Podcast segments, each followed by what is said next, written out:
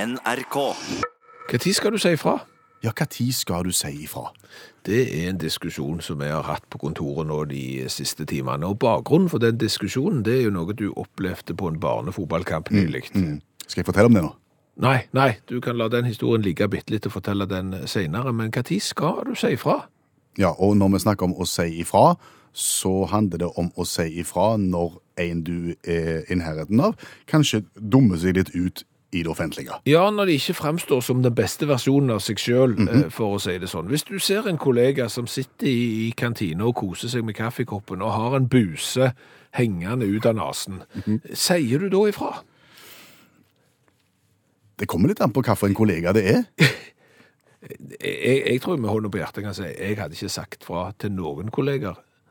Fordi at det, Hvorfor det? Det er litt flaut å si fra òg, og så er det litt flaut fordi det gjelder at de faktisk har en buse i nesen. Så jeg ville jo bare prøvd å så se en annen vei, fokusere på, på andre ting, og håpe at eh, ved neste korsvei, når de ser et speil, så ser de det, og så tenker de 'oi, filler', Ok, og så tar de det vekk. for du føler på en måte at dersom du hadde gitt beskjed, så sier du mellom linjene at eh, en ikke er helt opptatt av sin egen hygiene og ikke passer helt på og sånn. Ja, så akkurat buse i nesen, der er terskelen min for å si fra ganske høy. Mat i skjegget er mye lavere terskel. Der, der er du på. Ja.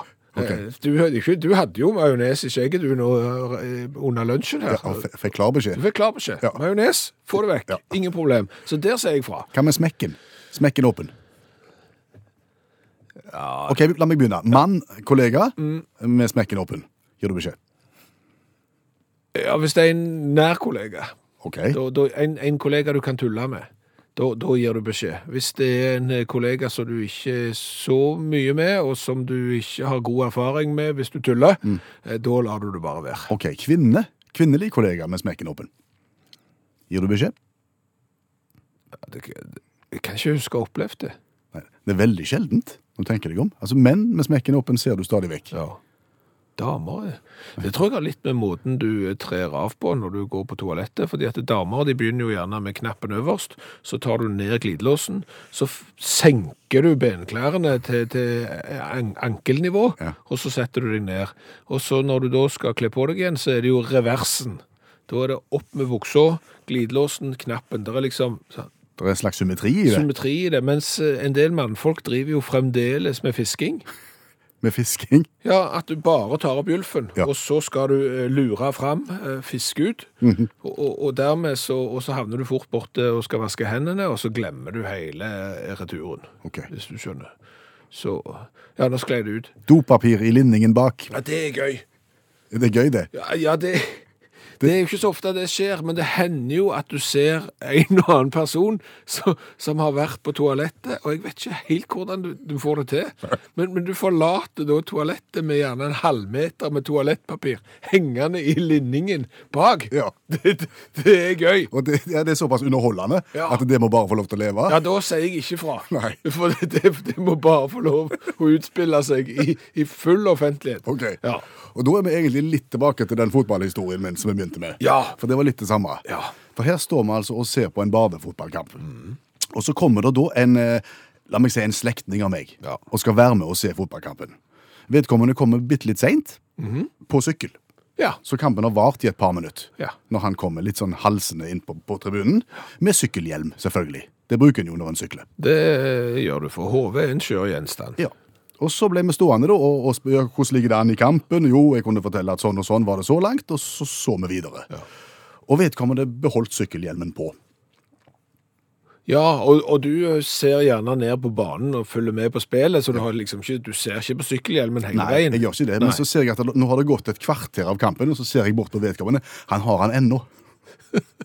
og den er godt polstra, altså festa under haka, sånn som med rem, Ja. som sykkelhjelmer er. Ja. Nei, men for det er jo sånn at når du har sykkelhjelm eller caps eller hatt eller et eller annet sånt, i til stunden så enser du jo ikke at du har den der. Nei, hvis du har han sjøl, nei. Ja. Nei, Men alle andre ser det jo. Ja, det er jo det som er poenget. Og, og da er jo eh, tilbake til spørsmålet, hva tid skal du si fra? Sa du fra?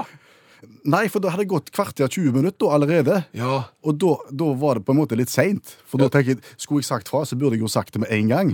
For hvis jeg sier fra nå, så sier jeg jo samtidig at nå har du stått her og dumma deg ut i 20 minutter med hjelm. ja. Så det gjorde jeg ikke. Nei, for da, da havner de enda mer forlegenhet, ja. Ja. Så var det pause. Ja. Og da er det litt ka ka kaffedrikking og, og drøs og is. Og fortsatt sykkelhjelmen på. Det er sosialt selvmord Det er- å drikke kaffe og spise vafler med, med hjelm. Ja, for du framstår på en måte som om du er en som er og ser kamp, men må ha tilsyn. Ja, det, det, Ja. den ser jeg. Ny omgang, ny resten av kampen, hele kampen. Ju- Jubling for scoring med sykkelhjelm på.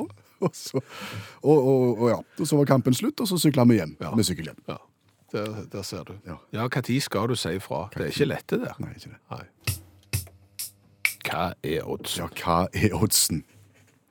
Det spørsmålet stilte vi i går i forbindelse med at jeg nesten fikk et tre over bilen, selv om jeg passerte treet som står i en skog i en fart på 80 km i timen i bil. Mm. Hva er sjansen for at det skal skje? Og da spurte vi deg som hører på radioen, eh, har du egne opplevelser der du har sittet igjen som et spørsmålstegn og bare tenkt, er det mulig? Er det mulig? Ja.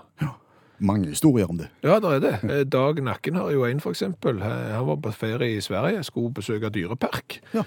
Kjørte der i en Toyota Hiace med sentrallås. Det er en sånn kassevogn, det. Ja, og så er det jo sånn, eh, s- kavet som oppstår når du skal forlate bilen på parkeringsplassen, kona henter ut alt de skal ha med seg inn i parken, lar bakluka stå åpen, og Dag låser bilen på førersida, og tar med seg nøkkelen bak, henter jakken og det som ligger igjen av bagasje, viser det sånn, og så smekker han igjen bagasjerommet, Og der lå nøkkelen igjen inni haisen. Stemmer det. Akkurat idet du smekker igjen eh, bakluka, så tenker jeg «Pff, Der er nøkkelen, ja. Ah, hva gjør jeg nå?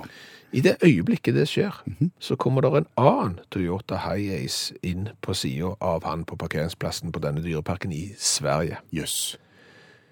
Og i rådvill og i affekt så spør Dag om han kan få lov å prøve nøkkelen deres til å låse opp sin bil med. Det gikk. Det gikk Hva er oddsen? utrolig. Eh, Sissel har eh, vært på ferie i Spania i mange år. For noen år siden så gjorde de det. Eh, da kjørte de med campingvogn, og så overnatta de på sånne eh, bensinstasjoner som har plass til trailere Ok. ved- ved siden av. De har du sett. Eh, et år så stoppet de rett etter Hamburg. Der traff de et eldre ektepar fra Follo. Så trivelig. Kom i snakk med de, Ja. Mhm. og neste dag så kjørte de hjem. Neste sommer så stoppet de på samme bensinstasjon, og der traff de det samme eldre ekteparet fra Follo. Hva er oddsen for det? Johnsen, For det er litt det samme med Nils Kristian som var på cruise fra Los Angeles via Panaka- Panamakanalen til Miami. Eh, Og gruppa hadde med seg en norsk reiseleder. Og når da han i sommer begynte å kjøre buss for cruiseturister i Geiranger, han Nils, Ja. og så dukte jammen meg den samme reiselederen opp som guide for de utenlandske turistene. Noen hundre tusen kilometer vekk. Ja, det, det er gøy. Runar han har også vært ute og reist, han òg. Han har kjørt motorvei eh, fra Lyon i Frankrike og skulle til Paris. Og da spilte han musikk for sånn CD-skifter, husker du de? Ja, Da hadde du på en måte et magasin av masse CD-plater i en slags maskin, Mhm. Ja. og så plukte på en måte CD-spilleren sjøl musikk fra de platene. Ja, hvis du satte spilleren din på såkalt random, så, så bare plukker CD-spilleren den sangen som han har lyst til, Mm. der og da. Og da var det et utvalg på flere hundre sanger. Stemmer det, massevis. Eh, Og rett nord for Paris så passeres avkjørselen til St. Quentin. St. Quentin. Akkurat. Og da kommer Johnny Cash. Da kommer Johnny Cash med sangen St. Quentin Prison. Er det mulig? Den blir spilt akkurat da, helt, Akkurat da. helt av seg sjøl. Ja, alle sangene det kunne spilt, og hva tid som helst på turen, men akkurat når du kjører forbi avkjøringen til St. Quentin, så kommer St. Quentin. Hva er oddsen for det? Ja, Hva er oddsen for det? Kurt har vært ute og fiska med broren sin i Luksund. Luksundene. Og, og der er det sånn at de, det er mye strøm. Så de, de kjører båten, og så driver de gjennom sundet mens de fisker. Så setter Kurt sluken i bånn. Ja, Det er irriterende. Ja, så ryker jo selvfølgelig scenen. Ja. Så er det å binde på nye sluk, og så er det å dra tilbake igjen og drive forbi en gang til, og der setter han han i bånd igjen. Nei. Nei, han gjør det. Men denne gangen klarer han å få opp slugen, Å ja. bare for å finne ut at den eh, henger på den andre slugen som han nettopp mistet. Han har fiska opp den sluken han først mista. Han har truffet det lille hullet Ja. som gjør at du får med deg den opp igjen. Ja. Det er jo Hva er oddsen for det? Nei, kanskje ikke så store, for bygdetullingen har opplevd det samme. Han har sendt melding. Greta Marie har opplevd det samme, har fisket opp sin egen slug. Og fysioterapeuten, han nå har jo også gjort det. Så, så det er kanskje sjansen for eh, Å fiske opp sin egen sluk er gjerne ikke så liten, hva vet jeg. Nei, så Hvis du setter sluken din i bånn, så er det bare til å begynne å fiske. Ja, det er moralen her. Min båt er eh, så liten og havet så stort, men sluken den skal opp på land igjen. Ja. Helt til slutt, Enda flere? ja. Tor Inge Vormedal Mm. eh, drev i sin tid med et maritimt bokprosjekt. Ja. Og dermed så skulle han oppsøke familien til en tidligere kjent kunstmaler i Haugesund i- som heter Bjarne Halvorsen, som blant annet eh, lagde maritime bilder. Han skulle få låne et portrettbilde eh, av den kunstneren som han skulle bruke i boka si. Ja. Og når han kom inn i huset der som eh, Bjarne Halvorsen hadde bodd, så hang der fine kunstverk som han hadde malt, blant annet av den gamle trebroen over Hassløy, da er vi i Haugesund. Ja. Og datteren av kunstneren hun kommenterte at faren han hadde lagt to av dette motivet. Å ja, så det fantes et, en annen variant et eller annet annet sted? Mhm. Men familien visste ikke hvor dette maleriet eh, befant seg. Og Tor Inge han var glad for å ha fått lånt portrettet og sa takk for seg, og, og dro videre i embets medfør med bokprosjektet sitt. Og skulle låne et bilde av noen andre, nemlig av den første kvinnelige sjømannen i Haugesund. Og kom inn i et nytt hus? Og hva hang på veggen der, tro? Ja, Ja, hva er oddsen for det? Ja, hva er oddsen for det? For der hang den andre kopien av Hasløybro-maleriet, som ingen familier visste hvor var. Fantastisk. Du, akkurat nå er vi kommet fram til det som mange betegner som høydepunktet i utaktuka, faktisk. Ja, der du kan lære deg ei bok som du ikke har lest, gjerne. Mm, på fire-fem minutter. For det er jo sånn at eh, svært mange føler at de burde ha lest klassisk litteratur, men så har de ikke tid, eller så har de rett og slett ikke lyst, eh, eller så er det andre ting som er mye gøyere. Mm, og det her, dette her lavterskeltilbudet vårt kommer inn i bildet. Vi tar en klassiker hver uke på fire-fem minutter og lærer deg det du trenger å vite, sånn at du kan framstå som om du har lest den. Vi tar en for lageret, for å si det sånn. Det er det vi gjør. Sammen med litteraturviter og forfatter Janne Stigen Drangsholt, som nå sitter klar med et nytt verk.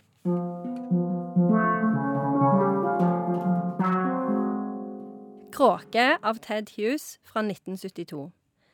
Kråke fødes av Guds mareritt og vandrer etterpå rundt i verden for å finne ut hvordan ting henger sammen. Blir halshogd, overkjørt, sprengt og spist, men lever likevel. Er det en kråke eller en som heter kråke? Det er ei kråke, men eh, dette er en diktsamling, for å si det. Så nå beveger vi oss inn i dikt.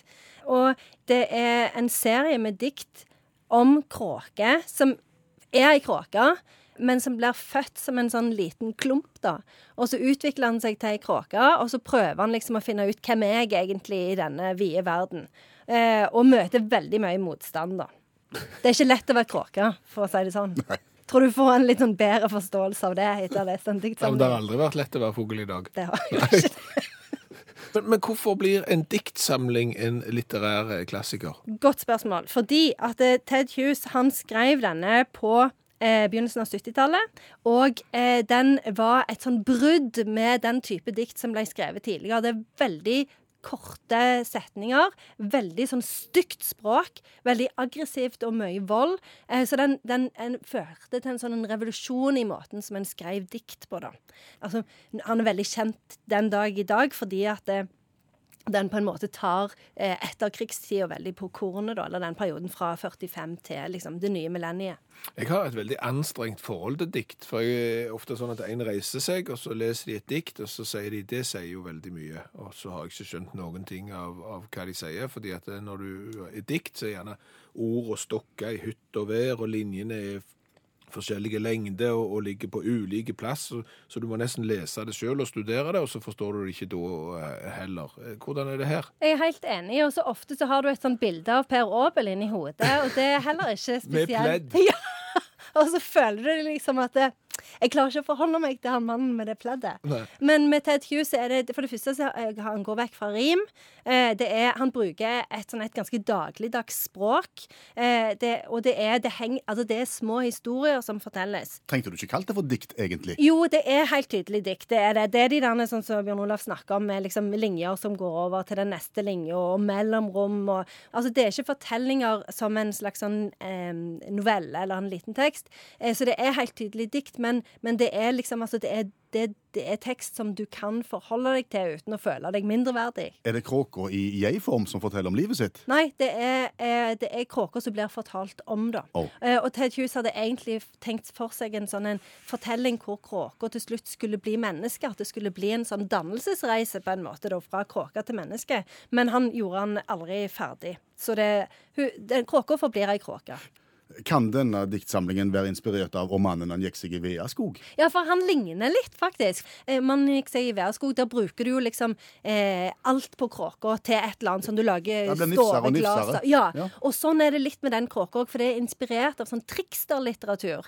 Sånn som eh, for eksempel haren som lurer bjørnen, altså den der han er li- det lille dyret som alltid kommer seg unna. Så det er veldig godt observert, Per Øystein. Fikk du med deg den? Ja. Mannen som gikk seg i Veaskog, og Hei Farah i Veaskog. Ja. Mm. Går det an å finne et sitat? her? Ja, det gjør det. Her er sitatet. Sitt på min finger, syng i mitt øre og lille blod. Nå fikk jeg lyst til å lese den. Den er veldig voldsom, da. Det er mye vold. Mø- Det skjer mye kjipe ting med kråka. Det er litt sånn Game of Thrones i diktform. Går det bra med kråka til slutt? Eh, ja, fordi Ted Hughes har et sånn et mantra som går på at han forlater aldri, eller han etterlater aldri hovedpersonene sine i liksom det mørke blodhelvetet. Han tar de alltid med opp igjen i lyset, og det gjør han òg med kråker. Det var godt.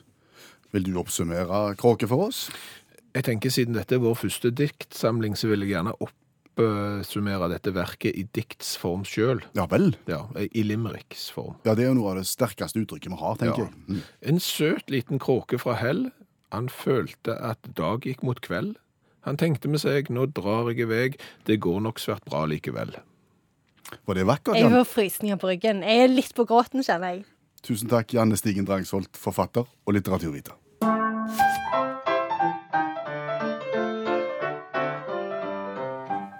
Vi kommenterer en liten nyhetssak ved hjelp av ei revyvise på 28 sekunder. Stemmer det. Eh, Din tur i dag? Ja, jeg har eh, skrevet en sang om verdens styggeste hund. Ja. Verdens styggeste hund, bulldoggen Zaza, Å ja. ble nylig kåra i en eh, 30 år gammel konkurranse. Dette er en tradisjon. Har jeg drevet på så lenge? Ja. Det pleier jo å være skjønnhetskonkurranser. Ja, dette er på en måte det motsatte. Dette er da eh, hunder som ikke ser spesielt vakre ut. De har et interessant oppsyn, kan en vel si. Ok, Men de er sikkert gode inni seg. Veldig gode, innsikt, og dette her handler jo litt om det. Altså, Utgangspunktet for konkurransen det er jo da å hylle det uperfekte.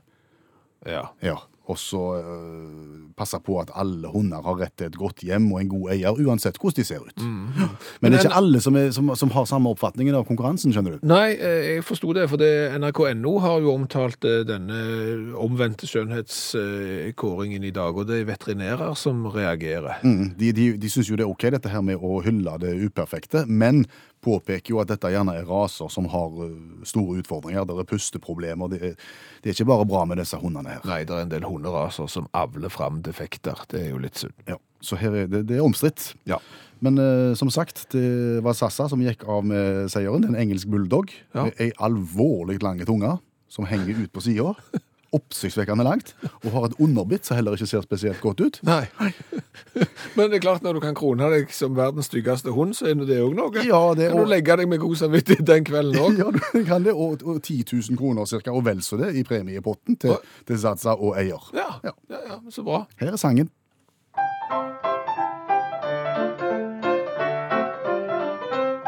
Ser du hunder på catwalk, da vet du det er dags for å kåre den styggeste i verden. Og det logres med halen, for alle får bli med, både tunge puddelen og setternerden.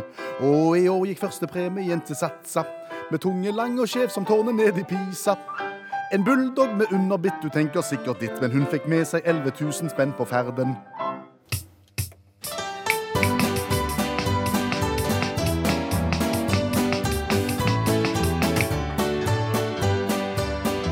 It's a long way to Tipperary. Det er et godt stykke, men, men, men hvor langt er det egentlig? Eh, Hvor langt er det til Tipperary? Ja. Eh, Det kommer jo an på hvor du drar fra, da. Hvor er Tipperary egentlig, Altså, som de synger om? Ja, eh, Tipperary er i Irland. Ja. Eh, Se for deg eh, Irland. Da har du Nord-Irland på toppen. Ja. Og, og så har du Irland ned forbi. Ja, sånn cirka. Eh, Hvis du tar og deler Irland Det som ikke er Nord-Irland? ja, i tre, OK. eh, så er eh, Tipperary på den nederste tredjedelen. ok. Midt i, hvis du ser det nedenfra, da. Ja, da er du ikke langt ifra Limerick. Nei, du, du, er- Tipperary er ikke fryktelig langt ifra Limerick. Det, det stemmer. Akkurat. Ja. Da har vi plassert Tipperary. Ja. Og It's a Long Way. Ja. Men hvor langt er det egentlig? F.eks. hjemmefra. Hvis jeg skulle eh, starte hjemme på, på Ålgård, som ikke er fryktelig langt ifra Stavanger, så er det 2276 km hvis jeg går. Det er et godt stykke. Ja, altså, jeg må jo gå til Kristiansand, så må jeg ta båten over til Hirsal, så må jeg gå gjennom Danmark, ned gjennom Hamburg, Bremen, inn i Nederland, Amsterdam, eh, før jeg da tar ferja fra Alsmer til Rischhaut. Eh, OK. Ja. Eh, Er det et langt ferjestrekk fra Alsmer til Rischenhaut? Nei, det er 500 meter. 500 meter? Ja, det er, det er bare nesten en liten pram. Eh, Men når jeg da kommer i land i Rauschenhaut, eh, så går jeg videre mot Rotterdam. Mhm. Ja. Eh, Så tar jeg ferja over til England på den velkjente Harwich Hawk van Holland-ferja. Ja, Den går til England, ja. Ja, så kom jeg inn i England, og så er det egentlig bare rake veien vest, inn i Wales, eh, videre på ferja Pembroke-Rossland, Rossler-ferja. Å ja, da tar du fra Wales til Irland? Ja, eh, og så bare fortsetter jeg egentlig rett fram til, til jeg kommer til Tipperary, og ikke er så langt ifra Limerick. Hvor mange timer eh, regner en ut at en trenger å bruke for å gå fra Rogaland til Tipperary? Eh, 2276 km sier Google Maps at du skal bruke 338 timer på. Ja, Hvor mange døgn er det, Det da? er 14. Ja, Men da går du 24 timer. Du gjør jo ikke det. Nei. Så Hvis du går 12, da, det er mye det òg, da da er 28 dager effektivt. OK. En måneds tid tar det å gå til Tipperary. Ja. It's a long way. It's a long way to Tipperary. Hvor er historien her? Altså, Hvorfor synger de om The Long Way to Tipperary? Egentlig ei revyvise, Oi! ja, eh, fra 2012. Men den her It's a Fra long way 2012? Sa jeg det? Ja. ja da, da har jeg 100 år feil. 1912. 1912. Men det som gjorde han legendariske, det var at irske styrker som marsjerte gjennom Boulogne i Frankrike i 1914, de sang It's a Long Way to Tipperary. Og da var det en korrespondent fra ei engelsk avis der eh, og som skrev om dette, og så ble den eh, sangen legendarisk. Og Hvor langt var det hjemmefra da når de var i Bologna? Eh, da er de 850 km hjemmefra.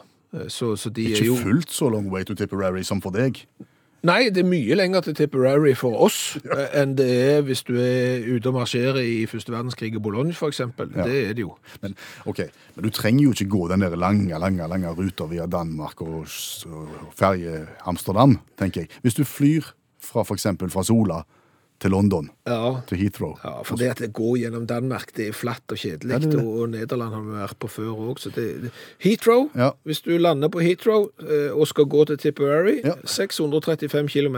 Det er overkommelig. Det er overkommelig. Det eneste du må passe på, er at med en gang du kommer ut av eh, terminalen på Heathrow, og så kommer du inn i denne rundkjøringa der, Ja. da må du ta første avkjøring ut på Western Perimeter Road, Akkurat. og så går du s- nesten rett fram i 108 timer. Ser du. Men da går du innom Limerick på veien, da du, du sneiser innom Limerick. Nei, du tar Limerick etter du har vært i Tipperary. Det passer egentlig best. Du, du kommer til Tipperary, og når du er ferdig med alt du skal gjøre i Tipperary, så tar du en eh, liten eh, stopp i Limerick. Nå kjente jeg at inspirasjonen kom over meg. Du, Ja, jeg du vet vet det. hva som skjer med meg Ja. når det blir snakk om Limerick. Ja, eh, du er jo sønn av en eh, Limerick-konge. Et utaktpar litt under pari, med drømmen om radiosafari. De tenkte med seg, nå drar vi i vei til Limerick og Tipperary. Hva har vi lært i dag? Åh, vi har lært eh, veldig mye. Eh, Så bra. Om du husker radioprogrammet i går, eh, der vi hørte at noen som ikke hadde råd til pølse, Mhm. eh, i stedet for kjøpte pølsebrød dypt i pølsevann. Ja, Ja. Eh, Og der er jo de som kjøper det frivilligt. Det er jo en nasjonalrett. Eh, Svein har sendt en melding og sier at pølsebrød i pølsevann er nasjonalrett i Mjøndalen på fotballkamp. jøss. Bløyta kalles det. Hva betaler du for det? Jeg vet ikke hva ei bløyte koster nå. Rotbløyta er sannsynligvis mye dyrere enn bare bløyta, men eh, skal komme på det òg. det skal jeg. Så har vi jo snakket litt om det å si fra. Hvis folk har en buse i nesen sin, eller har smekken åpen eller noe. Ja. Eh, Ole gikk golfrunde helt alene, og han tok igjen ei dame som òg gikk og golfa alene. Ei stilig dame, godt voksen, med åpen smekk. Ja. Skal, skal ikke, tenkte Ole. Mhm. Eh, Så da spurte han er det korrekt av en mann å påpeke at smekken er åpen. Hva sa damen? Definitivt, svarte hun, og smekken ble lukka. Men det er jo en litt fiffig inngang. Hole in one. Ja. liksom still det som et spørsmål. Er det korrekt av meg å si fra at du har smekken åpen? Den er smart. Ja. Den er smart, ja. Hvis damer da sier nei, så er jo Så, så det er jo litt rart. er, det, er det korrekt av meg å si at du nå står og ser fotballkamp med sykkelhjelm på hodet? Arnstein eh, sier det at han sier fra til hvem som helst, uansett kjønn og alder, f.eks. at du har noe i, osv. Men eh, han sier ikke fra hvis noen er stygge. Nei. Han sier ikke fra sånn at du er usedvanlig stygg. Det sier han ikke. Selvfølgelig gjør du ikke det. Nei, men det leder oss jo inn på det neste, fordi at eh, det, det har jo vært en kåring av verdens styggeste hund. Ja. Og da er det greit, med en gang det er hunder, så kan du kåre de som ikke er fine. Ja. Det er litt eh, spesielt. Det var bulldoggen Satsa som vant. Stemmer det. Eh, Og jeg har hengt meg litt opp i den første setningen din i, i revyvisa i dag. der Derfor du jeg skrev jo en sang om den verdens styggeste Mm. hundkonkurransen. Ser du hunder på catwalk, så vet du det er dags. Jeg er veldig glad for at du ser kunsten min her. Ja, altså hunder på catwalk. Den er fiffig. Det er fiffige, og så vet du det er dags. Og dags er jo en hund. Og hunden som ble kåret til verdens største hette, Eh, Satsa.